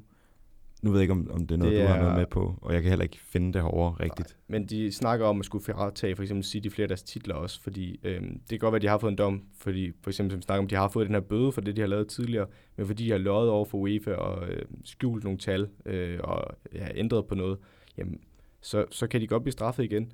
Jeg tror ikke, det bliver... Jeg tror, de måske kan få en pointstraf i Premier League også, fordi det er noget Premier League, sådan som jeg forstår det, øh, selv skal ind og kigge på en, øh, en straf for dem selv. Øh, det eneste, jeg kan komme i tanke om, der skulle gøre, at de, øh, den retssag UEFA er i gang med, det er fordi, den netop kommer ind til, nu skal lige huske, hvad den hed. Øh, den hed, det er en bestemt domstol nemlig, den hedder The Court of Arbitration for Sports. det kan måske være derfor, hvis den kommer derind, så kan det blive en princip, eller, princip, eller jeg kan ikke huske ordet nu, en principiel sag, sag, ja, tak, ja. Øh, for, øh, for, øh, ja, for fodbold, og så kan det også være, at det går ind over Premier League direkte, og de skal gøre noget. Men så vidt jeg ved, så Premier League, det er, det er ejet, af- altså, det er ejet af selve ligaen og klubberne. Øhm, så jeg, jeg tror, de skal lave deres egen sag ud af det her. Og der kan måske komme en pointstraf. Jeg tror ikke, den bliver særlig voldsom. De får måske en bøde. Øh, måske mister, hvad skal vi sige, de kunne finde på at give dem en straf på 6 point eller noget i år, men det vil jo ikke rigtig have nogen effekt. Jeg tror ikke, de andre sæsoner, de går ind og piller ved, det vil være for, ja, det vil være for meget. Må ikke Premier League også har en uh, interesse i, at City bliver i ligaen? Jo, lige Trods alt. præcis. Øh, altså igen, det er jo den her Superliga, vi snakker om, og der vil de jo også skulle bryde med Premier League jo. Øhm, og det håber vi bare ikke. Jeg, igen, det er ikke, jeg tror ikke, det kommer til at ske, men det er en risiko, der reelt er lige nu i verdensfodbolden, og det, det, vi har ikke brug for, at de store klubber bare bliver rigere og rigere. Vi skal, nogle af de mindre klubber bliver også nødt til at være med, for at vi har det rigtig sjovt. Det bliver i hvert fald spændende at se, hvad der skal ske. Lige nu, der er det i hvert fald, som du siger, to år uden for Champions League. De anker den nok, formentlig. Og hvad der så sker i den hjemlige liga, jamen det ser vi til den tid. Vi følger i hvert fald op på det, uanset hvad der skal ske. Og det er også noget, vi kommer til at vende senere, som du også nævnte, med en gæst. Ja. Og mere har vi ikke at sige. Nej, ikke rigtigt. Det, Vi bliver ved med at tease for det. Ja, vi kan, vi kan lige sige med vores gæst, at øh, øh, vedkommende har været i USA øh, en, stor, eller en lang periode nu, øh, og har haft rigtig travlt derovre. Øh, Og har haft dig lidt på is. Ja, han har haft meget lidt på det, det, det, det må vi godt sige. Han har, han har haft meget travlt derovre, øh, og han vil stadig rigtig gerne være med i podcasten, så øh, han, han skulle bare finde hul i kalenderen, og det er vi ved at arbejde på nu, så øh, det glæder vi os rigtig meget til, og det bliver også blandt andet noget med City Same, vi vil komme ind på, fordi øh, han har en rigtig stor ekspertise inden på området, og selvom jeg sidder og graver i det her, så vil jeg ikke kunne nå om til sokkerholderne med hans viden. Overhovedet ikke. Selvom jeg synes, det var... Ej, nu gør jeg det igen. Men jeg synes, det var rigtig flot grad frem. tak, det må sige. tak. Du er ikke kun stalker, du er også en, en dygtig journalist, der kan finde de rigtig gode Den. Du den kigger kom, meget. Jeg kigger meget på den kommentar, der. det ved jeg ikke lige, hvor den kom fra, men fair nok. Ja, jeg beklager. Men i hvert fald, Citygate forklaret one-on-one af Søren Kierkegaard Åby. Fantastisk. Tak, tak. Lad os op til citattabellen. Og som jeg sagde til dig, inden vi gik i gang, så havde jeg lidt svært med at finde ud af, hvad jeg skulle tage med. Jeg overvejede bare at tage whoops med, men det blev også... Det, det, skal det ikke handle så meget om Arsenal, jo. Trods alt. Men, øh, men jeg er endt med at tage noget, øh, noget med fra en øh, Champions League-kamp faktisk. Og det er heller ikke en, eller en Premier League-spiller, der siger det. Men det er omkring en Premier League-klub. Og øh, det citat, jeg overvejede, er ikke det, jeg har med, fordi at, nu synes jeg, vi har været nede i sådan nogle, nogle lidt negative citater for, for tiden. Så at sige, at Tottenham er et godt hold, dem bliver jo også ryge langt ned på den liste der. Det, det er bare galt at sige sådan noget. Men det er Timo Werner fra øh, Red Bull Leipzig, der efter kampen mod Tottenham reagerer på det her med at være blevet sat i forbindelse med, med en transfer til Liverpool. Og der siger han, when you're linked with that team, it makes me very proud. Og der, altså han taler jo bare lige, lige fra sokkerholderne, Ja. det man siger. Og det kan vi jo godt lide. Men Ja. hvor smart er det som uh, Leipzig-spiller at stå og flirte sådan med Liverpool? Nu vil jeg jo lige nu rette dig ind, der er en masse Bundes, hvis der er en masse Bundesliga-fan, der sidder med derude. Vi må ikke kalde dem Red Bull Leipzig. Det, det, det har de jo per lov. Ras, Rasenball. Ja, lige ja. præcis. Men ja, tilbage til Werner. Øhm, igen, jeg tror, at det er en offentlig hemmelighed, han skifter til sommer. Øh, om det er lige Liverpool, han kommer til, det ved jeg ikke. Men jeg synes ikke, der er noget galt i det, han siger. Øh, nu kan det godt være, at jeg som Liverpool-fan har en bias her. Øh, men det er jo ikke, fordi han siger, at jeg vil væk fra Leipzig eller noget i den dur. Han siger jo reelt bare, at øh, det er en ære at blive øh, sat i forbindelse med sådan en klub, ligesom specielt mange har snakket om Real Madrid, Barcelona, Bayern tidligere. Det er da ikke rart at høre som fan, men når det er, så altså, det er åbenlyst for en Werner skifter til sommer. Det vil jeg nok allerede godt lægge hovedet på blokken og sige, at han, han er væk til sommer. Øhm, så jeg tror egentlig bare, det er en måde at anerkende på, at det kunne godt være en mulighed. Øhm, ja, det er egentlig det, jeg har at sige til det, tror jeg. Så er der ikke nogen negative toner i det, at han øh, et Ja, eller andet sted siger, jeg jamen synes- her hvor jeg er, det er måske ikke det øverste hylde. Nej, men jeg, jeg tror, han siger det på en meget respektfuld måde, og så ved jeg godt, igen nu har der været sag med, eller dengang var Keita skiftet til Liverpool, der spiller han jo også et år i, øh, i Leipzig, efter han egentlig reelt havde indgået, eller man havde indgået en aftale med Leipzig om en pris. Jeg tror ikke, jeg tror den måde, han formulerer det på, han siger jo ikke, at øh, jeg skifter væk til sommer. Han er jo egentlig bare smidt over den interesse, og det er jo, det er jo klart, når det er en af de største klubber i verden. Øhm, og ja, det tror jeg egentlig bare, det han anerkender. Øhm, igen, hvis det havde været Real Madrid eller nogen andre, så tror jeg heller ikke, man har rynket på næsen så meget af det det er noget andet noget, hvis det er en klub, der er i, hvor, hvor det kommer ud af det blå, han er ved at skifte. Jo. Jeg tror, han var allerede rygtet til at skulle skifte sidste sommer. Så ej, jeg synes ikke, det er så kontroversielt. Nu skal du ikke tage med i din overvejelse, men et lille tankespil, hvis han har sagt Bayern, hvordan havde det klinget i dine ører så? Men det er noget andet, for det er en, Ja, okay. Man kan måske godt se det som dobbeltmoralsk, men det er jo, de to er jo i decideret kamp mod hinanden, hvor de er, jeg mener, der er et point mellem i Bundesligaen. Øh, og de er jo ikke rivaler på den måde. Øh, det er jo ikke et historisk rival eller rivalisering, men sådan, øh, ja, de kæmper begge to med tysk mesterskab, så på den måde er de rivaler, og det synes jeg var noget andet. Øh, så dem, ja, altså man kan jo sige, at Liverpool er også rivaler med Leipzig, men det er jo ikke direkte. Det er jo, hvor de spiller to kampe mod hinanden Champions League øh, højst. Øhm, så nej, det synes jeg er noget andet. Jeg synes, øh, det har været, altså for eksempel, hvis det var en, en Arsenal-spiller, der meldte ud, øh, at, øh, at Tottenham, ja, det er måske, at Tottenham var interessant, eller City var interessant, så er der været noget andet. Må du ikke engang sige. Men jeg kan mærke på dig, at vi er, vi er i hvert fald i en god ende. Det er ikke dumt sagt. Jeg vil sige, at den er faktisk tæt på at være lige midt i. For ja, den er jo sådan lidt. Den er jo næsten komplet midt i, for det er jo ikke, det er jo ikke fordi, jeg synes, det er noget, der... Jo, for hans egen karriere kan det være positivt, men jeg synes ikke, det er noget, som... Det er jo ikke noget specielt positivt, men jeg synes ikke, der er så meget negativt i den. Jeg vil sige, den skulle ligge midt i, og hvis det skulle være, så var det måske lige over i den negative ende. Lige over i den negative? Ja, for, ja fordi jeg synes ikke, hvad er det positive, hvad får han ud af det her, udover at han siger, at Liverpool kunne være en mulighed næsten. Han, han anerkender jo bare, at Liverpool er en god klub lige nu. Ja, det, det er der jo egentlig ikke noget forkert i. Nej, så synes jeg, at det faktisk ligger lige midt i. Jeg smider den ind et sted, sådan lige omkring midten, hvor det ser nogenlunde godt ud. Ja. Der begynder at være lidt pres på, vil jeg sige. Det kan godt være, at de skal rykke lidt rundt i det. Men det er jo så god til jo. Ja. Grafisk designer herovre. I hvert fald, when you're linked with that team, it makes me very proud. Det vil jeg altså også være. så er det sagt. Men til gengæld så øh, sidder vi her, og det gør vi igen næste uge, fordi ja. at, øh, nu er der ikke mere pause. Nix. Nu, nu kører vi lige fuldt på. Ja, så, til at vi øh, engang er færdige til foråret. Ja, så vil jeg dog lige nå, øh, inden vi slutter af, så vil jeg gerne lige, hvorfor skulle jeg stemple som en stalker? Det synes jeg, nu, nu sad jeg med den. Ej, det, det var altså noget, jeg fik sagt hurtigt. Det mener jeg ikke. det var, inden lytteren går herfra og tænker, øh, ja, Søren han ligger så, sætter sig også godt meget ind i fodbold, men han er en god stalker. Men er du ikke, god, er du ikke god til sådan noget? Jeg ved ikke, hvor du har fået den idé fra. Det ved jeg heller ikke. Nej. Det, det er du sikkert ikke. det, det er godt lige at få ryggen, ryggen fri. Nej, det synes jeg.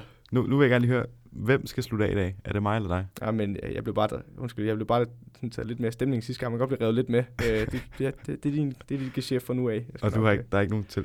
Der er ikke nogen telefon, der, er ikke noget musik herovre. Igen, hvis man er i tvivl om, vi sidder og snakker om, så hører i hvert fald bare i slutningen af sidste afsnit, så, så det, forstår man Hvis man bare lige tager det sidste minut, så ja. det er nok. Og så skal man lige have i mente, at, øh, at Søren han vandt vores lille tips. Nu er det dig, der nævner det igen, ikke mig. På at være kedelig. Sådan er det. Men i hvert fald, så øh, den har kommet ud fredag. Ja, den kommer ud fredag. Det er jo, det jo perfekt. Så ja. kan jeg sige god weekend hver gang. Men i hvert fald så øh, tak til dig, Søren. Selv tak, Morten. Og tak til lytteren, og rigtig god weekend.